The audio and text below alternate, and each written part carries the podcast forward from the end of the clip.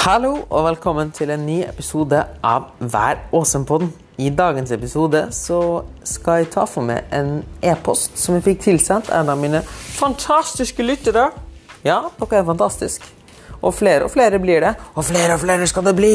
Og med det så skal jeg si Oi, faen, det rimte. Satan, jeg god. um, fantastiske lyttespørsmål, bla, bla, bla. Um, fantastiske lyttere. Ja. I digress. Igjen, som alltid, som du vet. Ukens episode handler om dette med ødelagt forbrenning, og hva det egentlig er, og hva du bør gjøre. og har masse finere linker i shownotene, så det lønner seg virkelig å ta en titt der.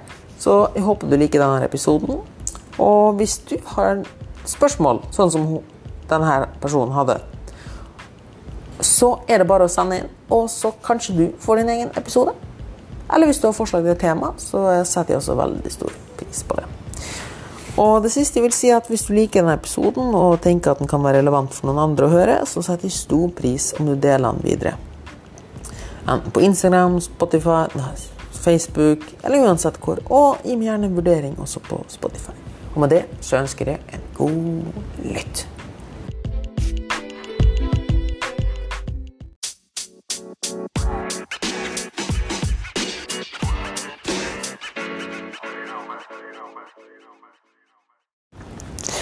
I ukens episode tar jeg jo da for meg et lytterbrev eller en e-mail som jeg fikk inn. Jeg skal holde vedkommende anonym, men ønsker gjerne å lese opp spørsmålet jeg fikk, og så skal jeg gå litt inn på det. Hei! Har lyttet til episoden din fra Spotify om det med å finne kaloriinntaket sitt vil, om man vil ned i vekt. Jeg skal linke til denne poden i episodebeskrivelsen. Så har jeg bare et spørsmål rundt et konsept som en del også snakker om, og er noe uklart for meg. Hva gjør du, eller hva skjer når du f.eks. spiser 900-1300 kalorier, som for de fleste jo er på under deres BMR, men, jeg, men går ikke ned i vekt for det? Noen ganger kanskje til og med opp i vekt. Er det et konsept hvor kroppen stritter imot vektnedgang rett og slett fordi den ikke får i seg nok næring? Og så kommer det videre. Det var første del. Mange fortsetter jo med kutting av kalorier når vekten slutter å gå ned, og det er logisk. Men når en kommer til en situasjon hvor en ikke kan kutte mer, eller ikke være i mer aktivitet Selvfølgelig kan man alltid begge deler men, om man setter ting på spissen, men ja. Hva skal man da gjøre? Hørt mye om omvendt dietter og vedlikeholdsperioder osv., men det er en masse info Uh, også noe som motsier seg sjøl. Og siste spørsmål. Hvis en allerede har en noenlunde slank kropp, men ønsker 3-5 kilo av for å komme i løpesesong slash prestasjonsform eller lignende, så ikke hastevekttap, men trygg og grundig gjennomført. Har du noen tips til hvordan man kan gjøre dette og kombinere det med noe overskudd til selve treningen? Da med fokus på kondisjon, men også uke, ukentlige økter for vedlikehold av styrke. Håper ikke spørsmålet ble for rotete. Kanskje du kjenner litt igjen hva jeg sikter til, uten all min klumsete formulering. Først og fremst så syns jeg ikke det var klumsete formulering i det hele tatt. Jeg syns det var veldig fint ordentlig skrevet, og hvis noe var klumsete som helst, hvis noe som helst var klumsete, så var det eh, min opplesning. Jeg tenker vi starter med dette konseptet med å bare spise 900-1300 kalorier per dag, og ikke gå ned i vekt. Og her kunne jeg snakka i mange timer. um, for det er noe som går igjen. Og det vi kjenner det aller mest som, er jo dette konseptet med ødelagt forbrenning. Og jeg kan allerede, før som sist, hvis du ikke orker å høre meg, si at det finnes ikke noe som heter ødelagt forbrenning. Og hvis du spiser lite kalorier, så vil ikke kroppen Eller alt med alt er relativt. Så jeg har kommet inn på myten, men sånn rent sett, da Desto mindre du spiser, desto raskere vil du gå ned i vekt. Til en viss grad.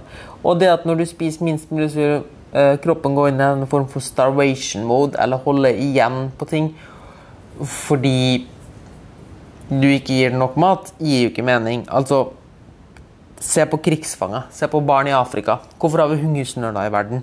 Hvis det skulle vært sånn at lite kalorier gjør at, vi, at kroppen går i forsvarsmodus. Så nei. Ødelagt forbrenning finnes ikke. Og hvis du på sikt hadde spist 900 kalorier per dag og holdt samme aktivitetsnivå som før, så ville du gått ned i vekt. Punktum. Men hvorfor opplever vi allikevel at dette her ikke er tilfellet alltid? Jo, det er to faktorer til dette her.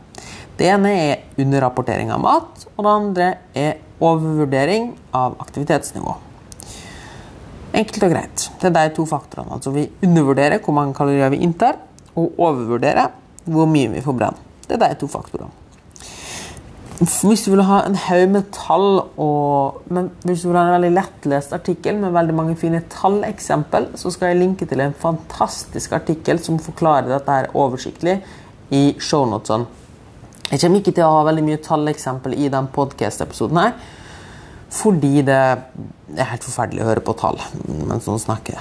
Men se på den artikkelen. Veldig mange fine illustrasjoner og veldig mange fine studier. Og det er dem jeg kommer til å basere det jeg sier på her.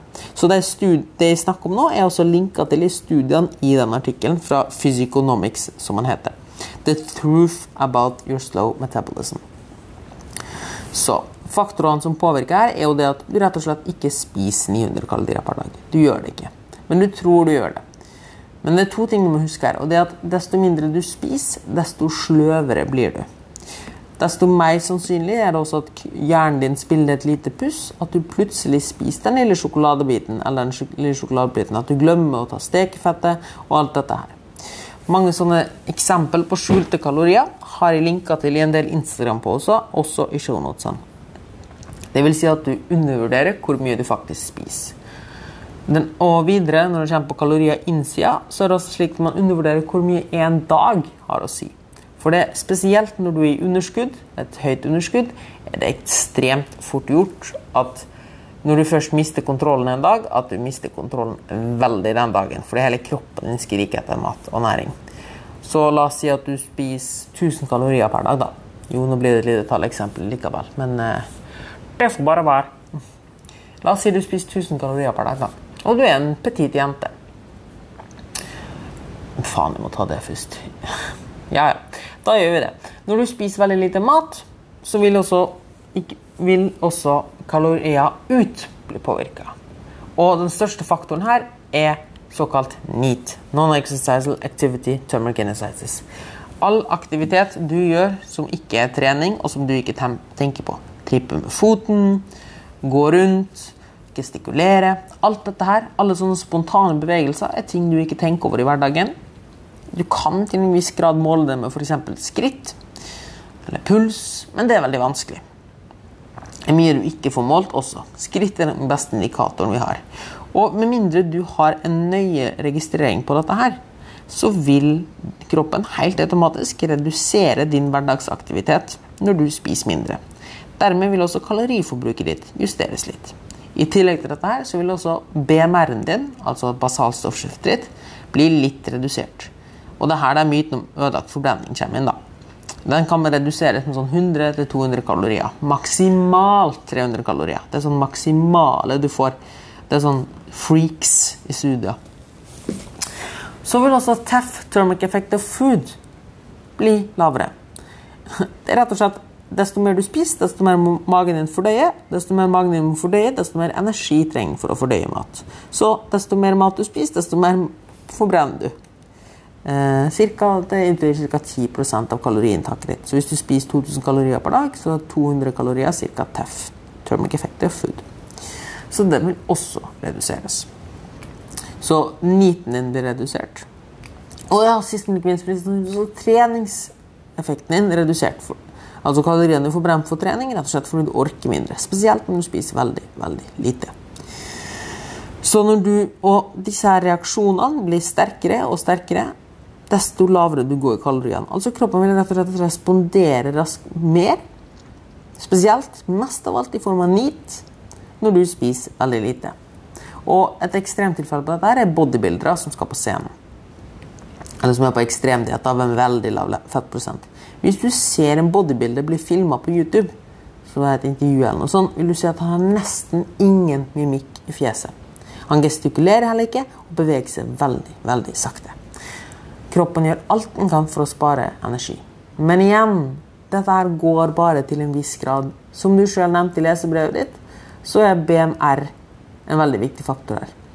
Og la oss si at kroppen har redusert NEAT med alt den kan. Altså uansett om, La oss si du er sengeliggende, for den saks skyld. Fortsatt når du er sengeliggende, så trenger kroppen din 1000-1500 kalorier. ish. 1200-1800 for den saks skyld. Og hvis du er en genetisk freak og har en ekstrem metabolsk tilpasning, så kan dette kanskje gå ned til 1000 kalorier. I sengeliggende. Og da er du helt på utsiden av det som kan være en genetisk freak. Jeg, skal, jeg, skal, jeg vil fortsatt se den personen som har et, en BMR på under 1000 kalorier. Så og at med eh, disse metabolske tilpasningene. Og det her, men det er disse metabolske tilpasningene som gir myten med ødelagt forbrenning. Det som da også dobbelt negativt skjer, er at når du har da lavere, et lavere kaloriforbruk pga. at du kutter kalorier så aggressivt, eller går ned i kalorier så aggressivt, og kroppen tilpasser seg, så vil også kroppen skrike etter næring, etter mat.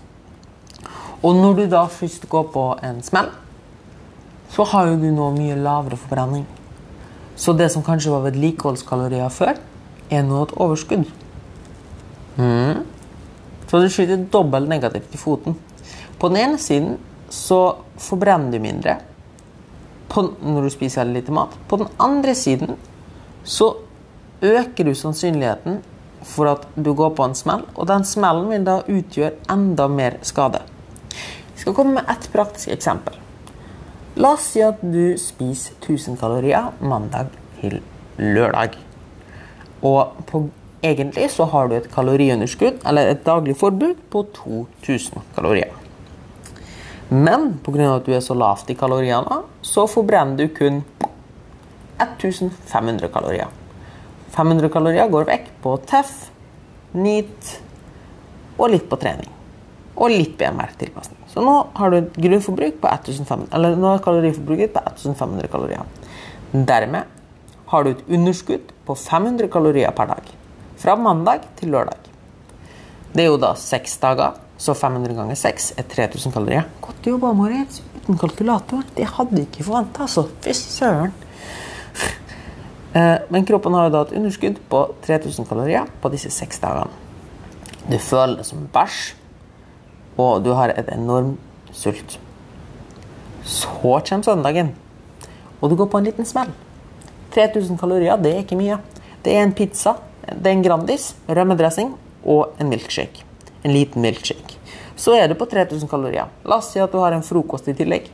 Eller kanskje du har en fuktig fest på byen.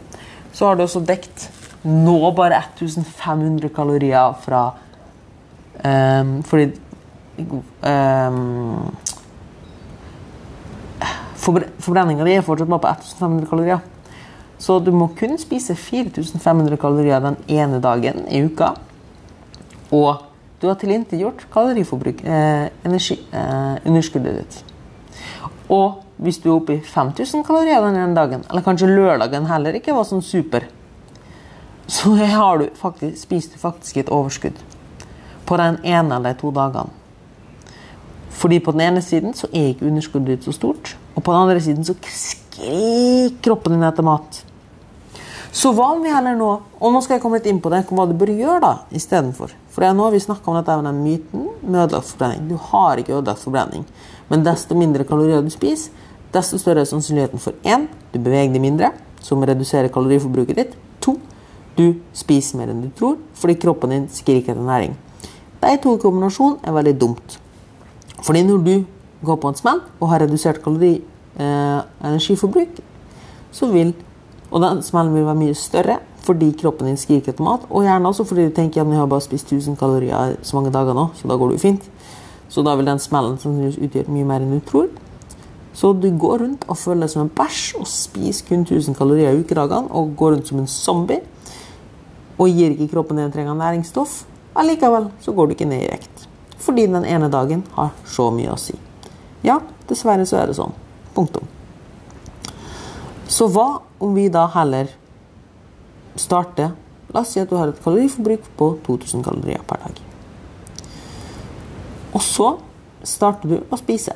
1500 kalorier per dag. Det er greit med mat. Du er ikke så særlig sulten, og du har ikke en så stor metabolsk tilpasning fordi du gir kroppen nok mat. La oss til og med si, for å sette det på spissen, at du har ingen metabolsk tilpasning. Så forbruk, kaloriforbruket ditt er fortsatt 2000 kalorier per dag. Du spiser dette her mandag til lørdag. Du har også et underskudd på 3000 kalorier på de seks dagene. Men du har nå spist 1500 kalorier i stedet for 1000 kalorier. Du har altså spist 3000 kalorier mer på de seks dagene, men allikevel har du underskudd på 3000 kalorier. Fordi kroppen ikke tilpasser på samme måte. I tillegg så har du ikke samme sultfølelsen og samme cravingsfølelsen som du hadde på 1000 kalorier. Så tror du at søndagen blir like ille? Nei, sannsynligvis ikke. Men la oss nå si da at søndagen blir like ille, og du spiser de tilsvarende 4500 kalorier, som i det andre eksempelet gjorde at du var på vedlikehold. I dette her tilfellet, når du spiser de 4500 kaloriene, er du så 4500. Så vi har et grunnforbruk på 2000 kalorier per dag pluss 2500 kalorier per dag. Så det er et overskudd på den ene dagen på 2500 kalorier. Vi har da, og vi hadde et underskudd på 3000 kalorier. Du har da fortsatt et underskudd på 500 kalorier, til tross for at du spiser mer. Og her kommer den myten av ødelagt forbrenning fra. Og her har du også svaret på hva du bør gjøre. Du bør spise mer og get your shit together. På den ene siden, Og er du 100 sikker på at du spiser det du spiser, så, og du har så lite kalorier til lenge, så vil jeg anbefale deg å først gå opp i, gå opp i kaloriene. Og ja, det kan godt hende at du vil gå litt opp i vekt i starten. Mye vil være vann og muskulaturen etc. Kanskje litt fett, men la det nå skje. Boost nå først forbrenninga di, altså kom deg opp på det nivået du kan være, og så begynne å redusere kaloriinntaket. Fordi det er mye å Hvis du for gudskjelov Hvis du skal starte å gå ned i vekt, start på et høyt inntak og se hva som skjer, i stedet for å starte lavest mulig allerede fra starten av. Ikke at det er farlig å ha en rask vektnedgang eller en rask kutt, men du bør vite jævla nøye hva du gjør, i stedet for å bare gå på en lavkaloridiett. Fordi som regel, med mindre du vet veldig nøye hva du gjør, eller har god oppfølging eller har en god plan, så vil en lavkaloridiett føre til det jeg nevnte. En siste ting som jeg ofte opplever når folk sier dette her med at de ikke går ned i vekt, selv om de spiser veldig lite mat. La oss si at du spiser veldig lite mat. La oss si at du ikke har noen smeller i det hele tatt. La oss ta følgende eksempel, for å gjøre det veldig billedlig. Og det handler om at folk ikke forstår hvordan de skal bruke vekta. La oss si at du veier det hver fredag. Nei, la oss si at du veier, at du veier det hver mandag. Så veier du det til første uka. Nå har du spist 1000 kalorier hver dag. En uke. Dette er et enormt stress for kroppen. Når du går på vekta neste uke, på mandagen, så har ikke vekta så har vekta gått opp en kilo. Fordi det, du har stress i kroppen, kortisol, uvant mat kanskje, kanskje spiser mer grønnsaker, som gjør at du inntar mer fiber, som gjør at tarmen funker litt dårligere, fordi tarmsystemet funker også litt dårligere når vi spiser veldig lite mat. Så det har gått opp et kilo. Du tenker what the fuck? Du reduserer til 800 kalorier per dag. Du klarer å holde dette her på en eller annen måte en uke. Du går på vekten. Vekten har ikke rikka seg. Tenker 'hva faen, må du spise enda mindre'?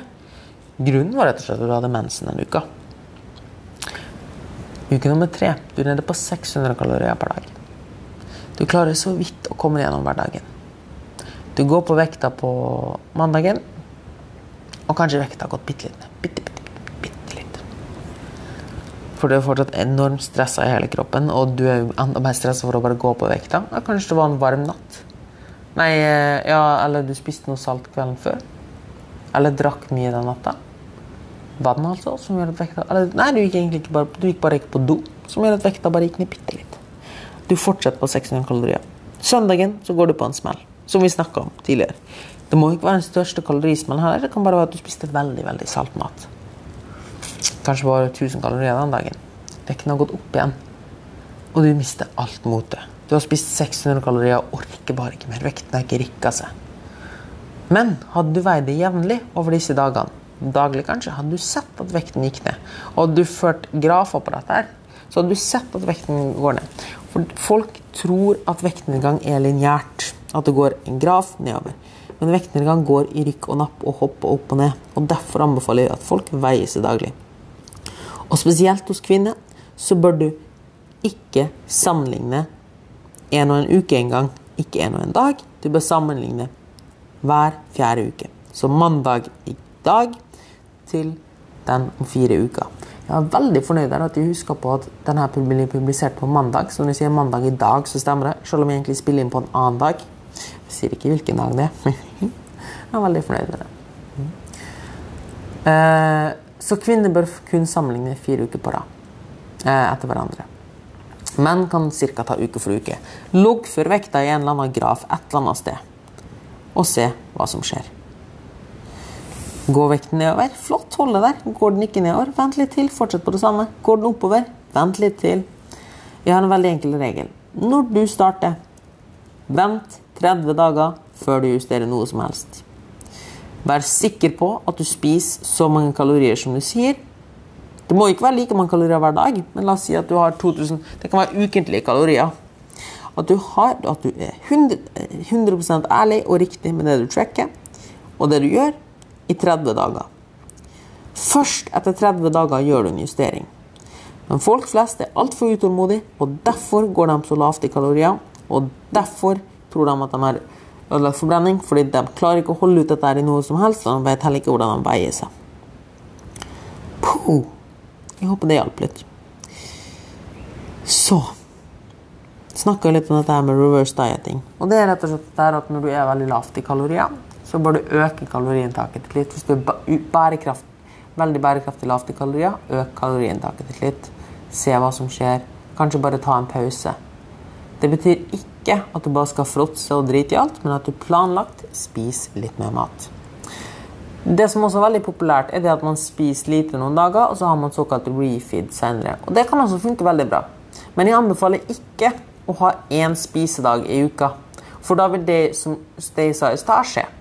Du fråtser den ene dagen, og det er mye raskere skjedd at du får et overskudd enn det du tror, fordi du har redusert forbrenning, og fordi du har så lyst på masse mat.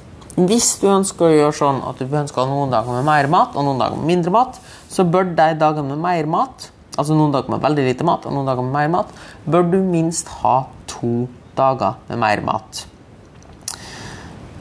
Det har jeg linka til det i en av Instagram-postene under her, der det er noen grafer på det, og også en veldig fin artikkel om nettopp dette her med refeeds i shownotene.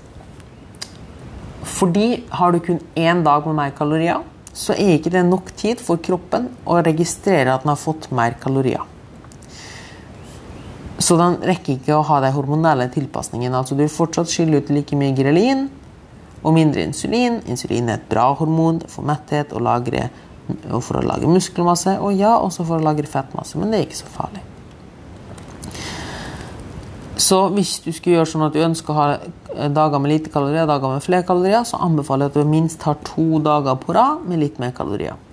Ekstrakalorier bør da primært komme fra karbohydrat, fordi disse har den raskeste eh, reaksjonen på eh, hormonnivåene våre. Jeg skal gå i dybden på det. Så til slutt angående dette her med å gå ned i vekt med, med sammen med prestasjon. Når du er en utholdenhetsutøver, så driver du mye med kondisjonstrening. Eller utholdenhetstrening. Og masse av dette her er mengdetrening på lav intensitet. Det trenger du ikke noe særlig energi til. Det bruker du bare kroppens fettlager til. Så alt som er aeropt, altså, nei, ikke aeropt, men alt med lav intensitet på sone 2, sone 3, går helt fint med fettlager. Det gjør det gjerne fastende på morgenen, og det er faktisk noe jeg anbefaler. som regel. Ikke fordi det er noe magisk med det, men du lærer kroppen å bruke fett litt mer effektivt. Ikke sånn 'superfett forbrenne', bla, bla, bla, fordi det er fortsatt totalkalorier innvers totalkalorier ut som gjelder. Men ja, jeg ble veldig oppgitt her akkurat. Og måtte bare se litt i speilet og bare reflektere litt over hvor mye dritt det er der ute. Ja, ja. Vi skal forresten ha Hva skal ha til middag i dag? Jo, jeg skal ha gyros med ris. Gleder meg. Og så er det jo Norge-Sverige i dag. De vant jo faktisk mot Serbia. Moritz, du skal holde fokus. Hold fokus, hold fokus, hold fokus. Ja. Det jeg skulle si, var at ha gjerne de langkjøringene dine, kondisjonsøktene dine, på morgenen fastende. Da har du gjerne spist et godt måltid på kvelden før. Så løp på tom mage. Lær deg å løpe på tom mage der, men det er den nei, det er de rolige økten med lav intensitet. Selv når det kommer til styrketreninga, og du har dem på morgenen, så er det egentlig mer enn godt nok hvis du har spist godt med protein kvelden før. Og så spiser du et proteinrikt måltid noen timer eller rett etter trening. Bare et fullverdig måltid. Men det er ikke behov for at du må gjøre noe magisk med kostholdet. Jeg tror det er veldig mange som misforstår det litt. Hvor viktigheten av mat rundt trening. Fordi faktisk har ikke det så mye å si. Den maten du spiser rett før trening, med mindre det er rent druesukker, har ikke sjans å bli absorbert i kroppen til du spiser. Det skjer ikke. Det var det vi tror i hodet. Og det er faktisk gjort ganske morsomme studier av dette. Blant annet menn og jeg, tror, nei, jeg vet bare at menn og Henselmann siterte han. Eller delte han, jeg vet ikke om han som gjennomførte han. Men det var da en gruppe som fikk mat før trening. En slush med karbohydrat og bla, bla, bla.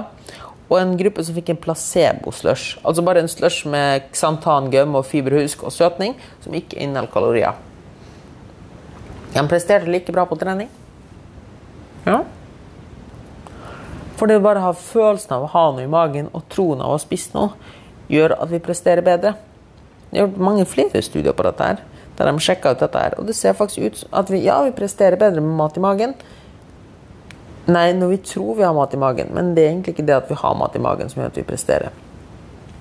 Så enkelt og greit, ikke overtenk det så mye.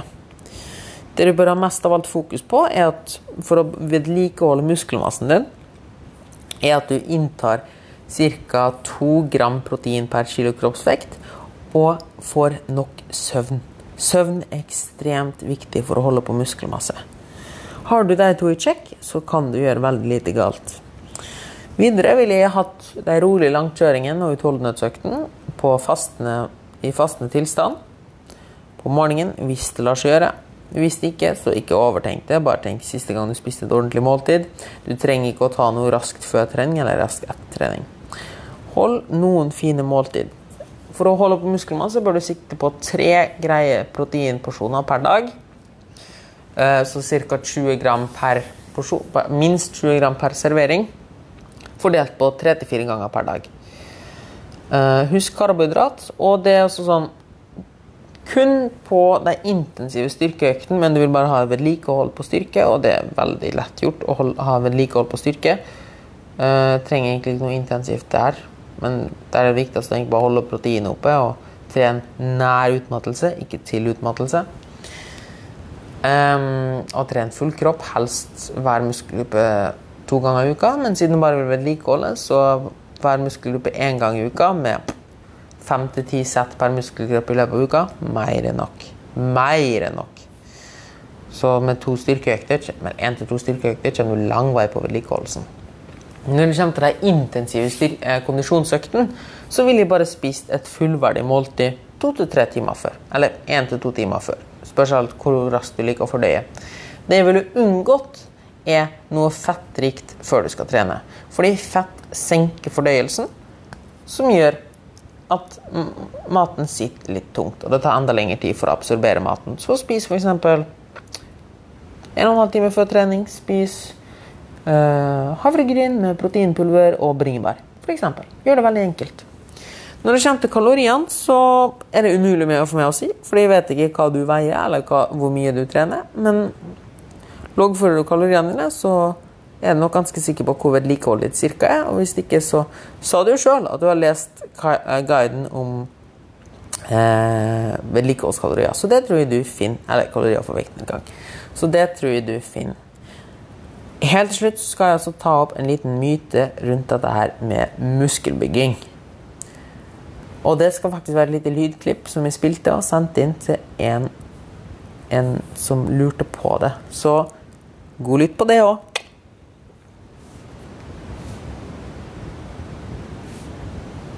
Kroppen din har to lager for energi. Det ene er fettmasse, det andre er muskelmasse. Muskelmasse er ekstremt tungvint for kroppen å bygge, og det er en ekstremt hard prosess. Og hvis vi skal bryte ned muskelmasse, får vi veldig veldig lite energi ut av kontra hvor mye vi må jobbe med det. Fettmasse derimot er veldig lett å legge på seg, i tillegg til at det er veldig effektivt å bryte ned. Vil si at når vi bryter ned fettmasse i kroppen, får vi igjen veldig mye kalorier for det.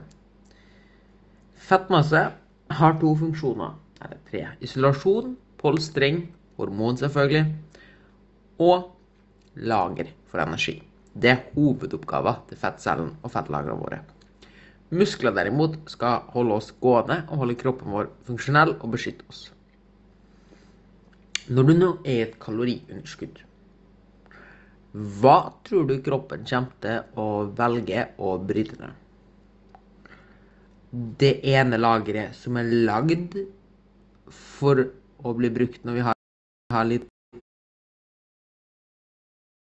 energi tilgjengelig, eller det andre lageret som eh, vi trenger spesielt når vi har lite kalorier tilgjengelig. Tenk jakt før i tida.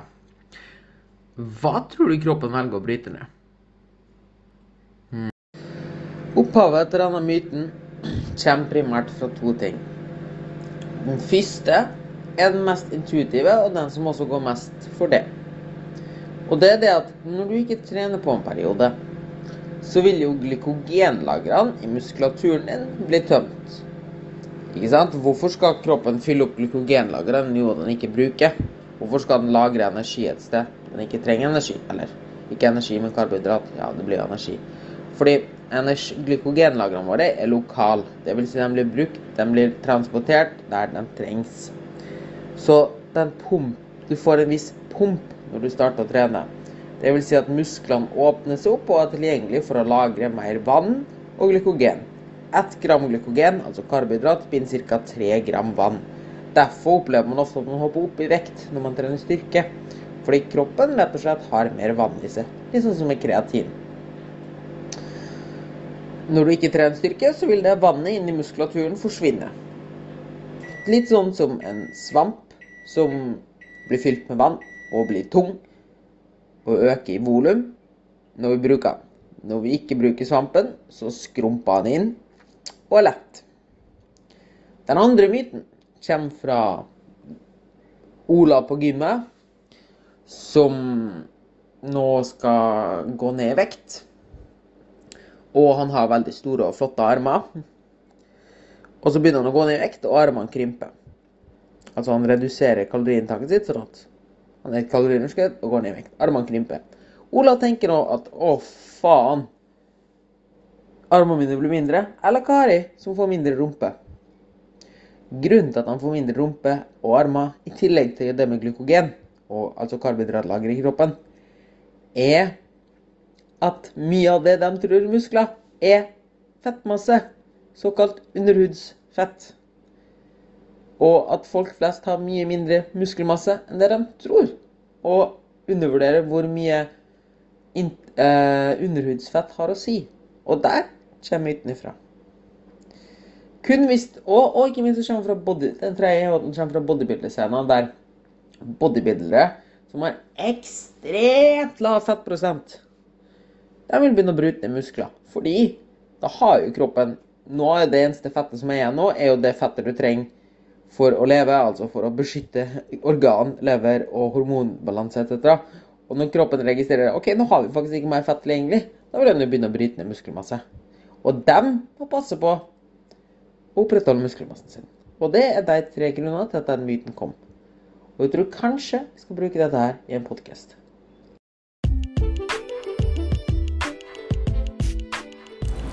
Tusen, tusen takk for at du hørte på denne episoden. Jeg håper du kunne ta med deg noe fra den. Og eh, hvis du syns noe var uoversiktlig eller rotete, så anbefaler jeg det virkelig, virkelig, virkelig, virkelig å ta en titt i shownotene. Det er så mange gode ressurser i disse shownotene. Masse du kan ta med deg derifra. Og Når du allerede er inne på Spotify og ser på shownotene, så kan du også gå helt opp på podden og trykke på 'gi meg en vurdering' på Spotify. Bare trykk på den stjernen. Eller hvis du er på iTunes eller Castbox eller Podbeam eller uansett hvor du hører på, setter jeg enorm pris på hvis du kan gi meg en liten vurdering, og gjerne en liten subscribe, eller følge på Spotify, sånn at du ikke går glipp av en eneste episode. Og hvis du hører på her på Eller egentlig så kan du også ta kjæresten din sin telefon, eller mammaen din sin telefon, eller hvem som helst sin telefon som har en Spotify-bruker, eller hører på podkast på et eller annet sted. Bare ta telefonen deres og gå inn på eh, Spotify og, eller hvilken som helst podkast-app og bruk deres telefon til å gi meg en subscribe. Fordi da kan vi vokse enda mer! Åh, oh, Moritz, du er så klein. Ja, ja, uansett. Siste jeg vil si, altså, jeg har noen ledige coachingplasser både her i Stavanger på PD-service og online. Så hvis det er noe du har interesse i, så er det bare å sende meg en melding på moritz.pdservice.no, eller på Instagram, eller Facebook, eller LinkedIn, for den som bruker det. Det er jo tydeligvis flere som gjør det. Bare send en melding der, og så kan vi avtale en helt uforpliktende samtale. Og med det så ønsker jeg er det bare en ting som er igjen å si, og det er gå og ha en awesome uke. Tudelu!